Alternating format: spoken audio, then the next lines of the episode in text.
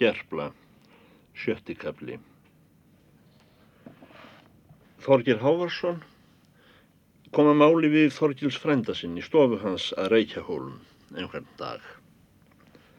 Það var virður saksi, vondu, hafði spjót í hendi og bara stjöld fyrir sér. Hann staðnæmdist gagvart frænda sínum og horfi á hann með þeim hætti sem þá var kallaður djarflegur. Hilsar þú eigi á oss, frændur þína, meldi Þorgils Arason og hlóað honum. Eða skal ég uppstanda og þjóna yður? Það þykir mér heldur lítilmannlegur síður að hilsa mönnum, meldi Þorgil Hávarsson. Máttu hlæja að mér vild þína. Áttu og við mig alls kosti af sögum frændsemi okkarar þar sem þú ert ríkur maður. Þorgil sagði að það var víst mikil fremd vorum ætt meiði að bera slíka sprota sem Þorgil var eða skulu við viðmælast með vopn uppi.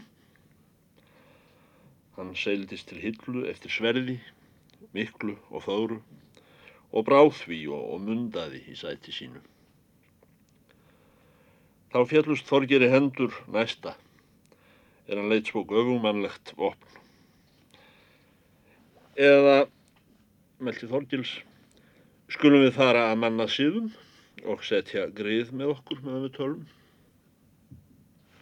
Þorgir lagði niður vopn sín í pallin, en Þorgils slíðraði sverðið og skauð því upp á hilluna. Þorgir meldi. Nú hef ég þólað gems yðvart, reikhælinga, frænda minna, eigi allskama hríð. Og munum margir mæla að ég sé maður eigi óeirinn að sitja slíkt svo lengi. Hefur mér jafnan verið hér staður ætlaður næst búrökkum yðrum og ekki hef ég fengið klæða utan þau einar ég hafa af þrælum yðrum með þraung. Líður nú að þeirri stundu að ég þakki veittan beina. Er það mín ætlan að fara suður á land til borgarfjörðar. Hvað skaltu þar, spurði Þorgils Arason. Ég á þar lamseldi að reyða af höndum vegna okkar mæðikina, meldi Þorgils leiðist móður minni við er nokkrir menn óvenslaðir telja til skuldar við oss. Fyrr skilsten skellur í tönnum, sagði Þorgils Arason, og er auð fint að þú ert himskra manna að það er þú hyggur því góðan verða af manndrápum. Svo sagði mér, Kris konungs maður úr Rómshöllu, þá er ég var í orknegjum að lávarður myndi niður brjóta garpskap. Með þeim leiðungrum er þar fylgja. En kjósa mönnum auð og sælu af verslan bjánæki signingum kirkjusmíði blandakaupum hjónahaldi og söng væri þér meiri farsæld í að telja þylviðu og lokra alltaris fjallir í kirkju mína þá voru við höfum haft í smíðum til handa Kristi á næstum árum heldur en eigra suður á land að manndrápum. Munu hér koma láta klerka í vetur að syngja fyrir oss og auðsa vatni þá menn hér sem fyrir heimsku sakir og lítilmennsku hafa undandreigist svo ágætum beina. Þorgir svarar. Þau fræði hefur numinn að móður minni. Að margir ágætis menn hafi skorað hvítakrist á holm og hafi hann við öngvan þórað að verjast. Mun hann vera ragur og vil ég vist flestum konungum fyrir þjóna en honum. Hefur á móður mín sagt að afl það er í mönnum þróast og guðum heitir jarðarmegin og er saman snúið af hörku steina og þeim safa er í grösum leynist svo og þeirri grimd er býr í tönn úlfsins. Og það hefur fyrir satt að Kristur hafi eigi fengið þess máttar. En önnur góð mornað öll og þornað þá er þau mistu hans. Mun og svo fara mönnum. Egi verða hér lengur raktar á þessa bók umræður þeirra frænda. En það er að forgeri hávarsinni að segja að hann gerir för sína suður til borgarsfélagar Egi hafði hann farangur utan vopn sín þegi góð og ígangsklæði vond. Vetur fór að og lágu vötn. Segir ekki að ferðum hans fyrir hann kemur að skellja-brekku síð kvelds um það býr er menn gengu til náða. Hann kvatti duðra. Húskarl gekk fram og spurði hver úti var og bað gestinn innarganga en Þorger hvaðst eigi uppláta nafn sitt við þræla nýð þykja bóð af þeim. Eða hvar er jöður bóndi? Hvað viltu honum? spurði húskallin Lamps eldi á ég honum að greiða sagði Þorger Húskarl gengur inn og segir að útistendur ókunnur maður og vill greiða jöðri bónda skuld en þykist eigi vilja í húsganga að bóði undir manna. Jöður kallað á svonsinn að fylgja sér og hafðu báðir öksi. Þeir gengur til dýra. En með því að ljós hafði brunnið inn í húsónum var þeim feðgum myrkt út að sjá er þeir komið dýr.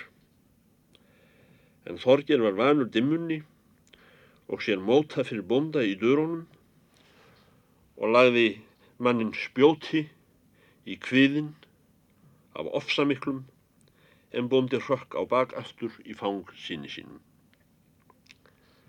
Hafði nú Þorger öngvar vöblur á en færði öksina þegar í höfuð bonda síni svo að brotnaði hausinn. Og sem hann hafði hlaðið þeim þaukum þar í durum og lágu báðir ómáttugir, held hann áfram að vinna á þeim um hríð, svo að eigi skildi dauða þeirra undan beðra. En það var síður norræðna manna mikill að hafa botn sín, vansmíðuð og deg að barefli þar sem bytt rökk eigi. Það er af þorgeri að segja að hann helt leiðarsinnar um nóttina þá er hann hefði beist og barið sem honum líkaði og let eigi staðarnumið fyrir heima á háðarstöðum að móður sinnar. Kom þar undir það er tórði af degi. Þóralfur fagnaði vel síni sínum og spurði tíðenda, en hann kunni fá. Komstu að skellja brekku, meldi konan. Þjóðgata líkur um tún þeirra, sagði hann. Fannstu það nokkurn á máli, spurði konan. Lít þótti mönnum svo, meldi hann, en fann spjót mitt og öksi. Hann bað hann að síðan ganga með sér undir ljósið og mátti þá sjá að klæði hans voru blóðug og ötuð vopn hans og hendur. Hann var á drafnóttur í framann. Af blóðslettum stokkið höfðu úr búkum þeirra stjelbrekkinga undan högum hans. Segir nú móður sinni af leta um víin. Þórelfur hvarf innilega til sonar síns við þessa tíðindasögn. Hvati síðan til húskarl sinn að slátra lambi hvaðs myndu gera síni sín veslu. Þá var í lögum að veganda var skilt að lýsa vígi á hönd sér samdægur áður sól væri af lofti. En hétt morðingi að öðrum kosti og skildi ekki ná lögum. Bar honum að ganga til mannabústaðar en mestur var, svo að hann hygði óhætt fjörfi sínu og segja lögföstum manni víð. Hér skortir mannabla og ríkdóm að halda þig, fyrir hérastmönnum degi lengur, meldi Þóralfur. Skaltu nú etta vild þína af slátri, en eg býð þér mest úr leifonum og snú aftur sem skjótast vestur til Þorgils frænda míns og mun hann enn við þér taka fyrir frænd sem er sakar þó að litlir sé dáleikar með ykkur. Hér eru menn úr borgarfjörðardölum með skipi á leiðvesturundur jökul að kaupa skreið og hafa leigið um skeið í öðunarhúsi sækir andviðra en nú get ég þána og fara á sunnanveður létt skal ég nú byggjast af þeim farningar til handa þér en þú lýsir. Víi fyrir þeim manni er þið hittið fyrstan að máli fyrir vestan mýrar. Munu þykja lítil tíðindi þar byggðarmönnum. Síðan myndu sjá þér farborða yfir breyðafjörð á Reykjanes til frændaðins. Nú segir eigi að ferð Þorgers vestur til Reykjahóla en heldur Sigur Þórgísli Arasin í brín er hans á frænda sinn aftur. Þótti hans koma illu spá. Eða hvað hefur þú klandað? spyr hann. Þorgir segir af leta sem var að hann hefur hemt föður síns. Laungu var sæst á það mál og bætur teknar, segði Þorgils Arason eða skal ég nú um landið rekast í málum ná, um náttvík fyrir fóla þinn. Þorgir svaraði. Sýnt en nú hvað mér duga vopnum frændi þótt flösur séu í eggu. En það hefur móður mín það meld að ég skuli haka menn. Síst er það að eða, meldi Þorgils en það þróast vikingslund og garpskapur með öskukellingum til dala meira en öðru fólki. Þykir það lítill frami á þessari öld að fara í född langdöðra sjókonung á Noregi en hitt sönnu nær að líkast lávarði rómshallar er bóðar góðum mönnum ábata með fríði.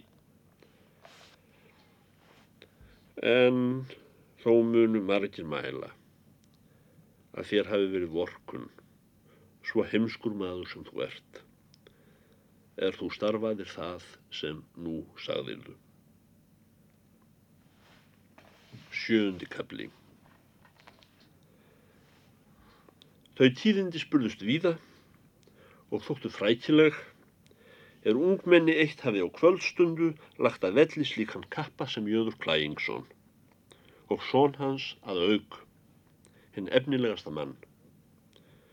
Og ynd svo af hendi forna lögskild Helga að hefna föður síns. Leiði á löngu áður fregninum afreg Þorgers barst vestur í djúb til laugabóls. Þormóði skáldi fannst mikið um verkið. Settist niður af bragði og orti Þorgers hemd er það drápa tvítug. Hann bað sér Orlofs að föður sínum að meg að fara suður til Reykjahóla að drekka jól og flytja vinn sínum gvæðið. Bessi sagði að hann skildi ráða ferðum sínum um sinn en hvað sitt hugbóð að lítmundu þarfar yfjur hans afbæ sem á. Þormóður var þá maður vaksinn nokkuð er hann fór þessa för til Reykjahóla. Í þann tíð voru flestir kallmenn á Íslandi lágir vexti og bjúfættir.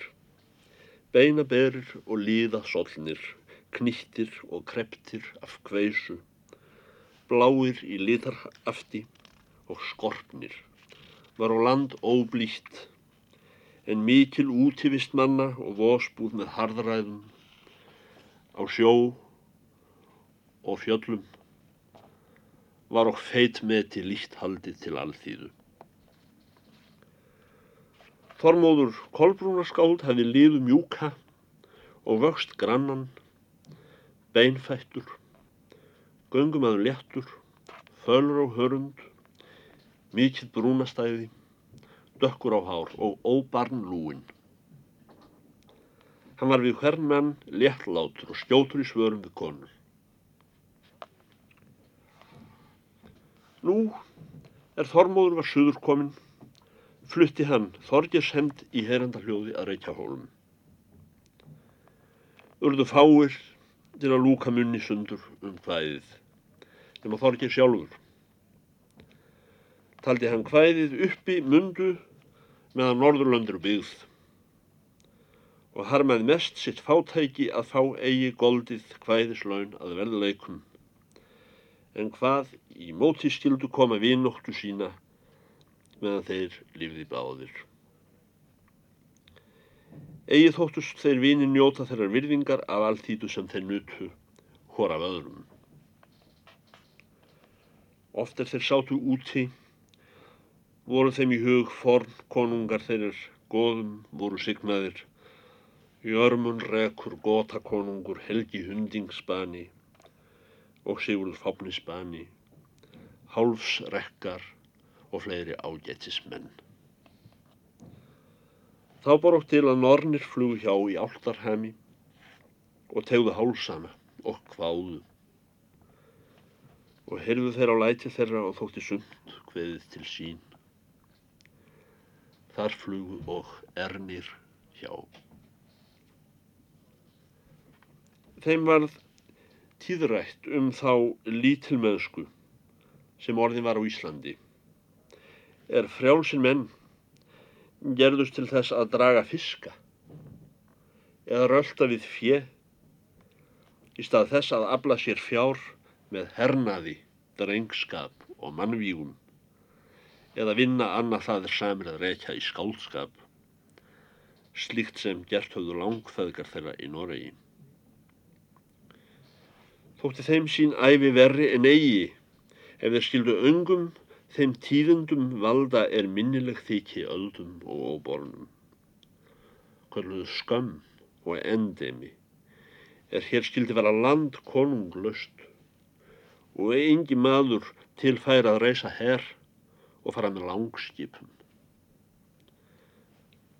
Kom þeim ásamtum að stunda garplegan lifnað og hyrða aldrei hvað búkallar eða þræla leiði þar til fá sér óvinni, að góðra drengja hætti og abla sér fjár með hjartapríði.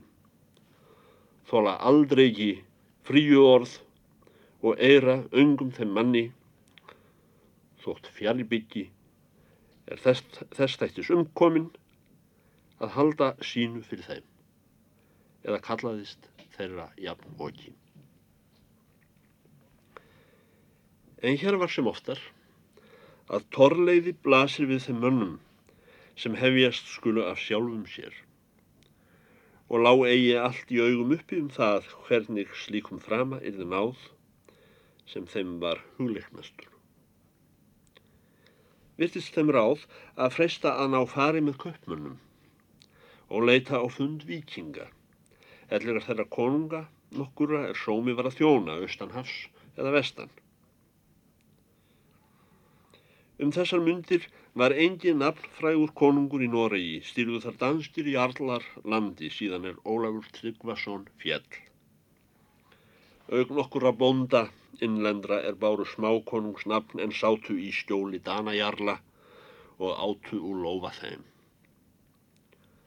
Virtist Íslandingum litla fræð að sækja í þetta ætland sitt fornd. En á Írlandi ríðuðu norrænir höfðingjar við falli. Voru þeir félagar báðir komnir af foreldri er þar hefði ílenst um skeið en röklast á brott undan írum aftur. Þótti mörgum norrænum manni súrt í brotið að víkja úr sælu vestanhafs og hafa þó eignast þar ríki með hugpríði en berast nú fagnaða laus í það land sem gagrast, rís og öndverðast úr úthafinu. Það var einhvern dag að þeir félagar gengu á fund Þorgils Arasonar. Hann spyr hvað þeim sé á höndum. Þeir sögðu. Lítil tilkoma þykjur okkur í að búa við öngvan orðstýr á Íslandi. Stendur hugur okkar til meiri fræðar. Vilju við tilhafa þitt fulltingi að komast á fund einhvers þess höfðingja erlendis er nýta vill að fylgi hraustra drengja. Þorgil smelti. Ógagn eitt og haminguleysi hefur jafnan af því leitt. Er saman komu vígamenn og skáld og er búlausum þegnum meiri nöðsin að gerast liðtækir í flyðru drætti eða sela þari en vopnaskaki og orðaglammi. Þeir sögðu að þeim þótti lítið svar og var eigi inn heldur synd þeirra nöð. Ef þið viljið gerast menn erlendra höfðingja, þá gangið á fund þess konungs, er ekki látið reysa hér dýrðarhús að reykja hólum, segir Þorgils Arason.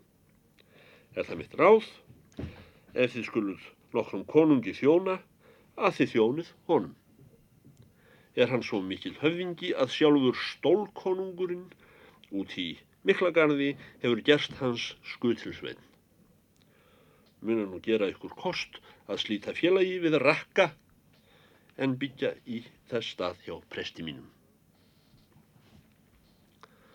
Þá hafði í lögum verið um skeið að Íslandingar skildu kristnir heita og hafðu fyrir menn undirbundist með sáttmálum við útlenda höfðingja og kaupmenn að láta skýra landsmúin. Til þess starfs voru kiptir lausaklerkar og farandbiskupar sem kaupmenn hittu staðfestu lausa á öðrum löndum. Þá hafði Páfi látið gera að Ísland heyrði brímastóli. En þá var líkt tíðkað á Norðurlöndum að umbótsmenn færi með brefum. En það nýðurfall mikið orðið í brefagerðað Páfans hendi. Kunnu og ossirlandar enn eigi látínum að nasta afróf og vissu fáir að segja með sanni hvern stuðil klerkar þeir sem kaupmenn fluttu með sér af erlendum torgum ætti í erkibiskupsstóli eða herrapáðan. Tíði líkt þótt menn þessir bæri fram brefajarteknir að sanna sína sögu því að bæði var að flest bref voru fölsuð er í milli fóru landa í þenna tíð enda fengu fáir ráðið. Var á kristni bóð meir stundað af kynjamönnum og tilhættingarfýblum á þessari öld sem laungum oftar en af sönnum ármönnum heilarar kirkju. Var Íslandingum sá grænslur að taka förmenn trúanlega eða vera óskýrðir. Ósjaldan reyndust guðsmenn þessir vígamenn og þjóvar og bannsettir menn voru sumir enskir eða írskir, aðrir saksnestir, en nokkrir kölluðu sig ermskamenn, þeir voru svartir og ljótir og höfðu með hverri konu er þeir náðu. Er þá málmanna að þeir hafi verið villumenn. Höfðu klerkar þessir tíðum flokka ribbalda sér til aðstóðar við skýrn og söng og þær fjárpindir eða mannvíg og aðrar búsifjar sem þar fylgdu. Fór þessu fram unst gildir menn í borgarfyrði letu setja klerkaskóla að bæ og fengu til hróðólf úr rúðu, einn franseis og dándimann að læra klerka innlenda á bókvísi og sönglist. Í þennan mund tók mjög að hallast á fornan sið og vikust menn undir nýjan. Gerðust flestir ótryggir hinnum fyrrum guðum. Góðir höfðingjar kepptust um að reysa kirkjur og draga til skýrnar svo margt manna sem kostur var, að ebla þingmannalið sitt og hétu hverjum kottkalli margvíslegum fríðendum í heiminríki þá er þeir verið döðir ef þeir vildu koma í kirkju að heyra páternoster og frétta af köpum hvítakrists.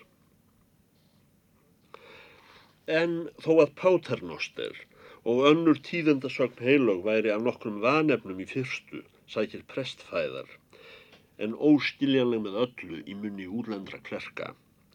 Þá kostgefðu höfðingjar að festa á kirkju sínar klukkur og krossa mönnum til skemmtunar. Sumir settu líkan af Jóni Kappa, baptista fyrir miðja kirkju í þann sessar öku þór hafði áður skipaðan í hofi. Vestrænir menn og þeir sem höfðu verið með Írum mátu Patrek og Kólumkilla eða Kólumbu umfram aðra kappa svo og Sesselju hinn að þjóðfögru og þær smámegar Sunnefu og Bjelindu. En Máriu var í þann tíð minnur unnað af herra Páfanum en síðar varð.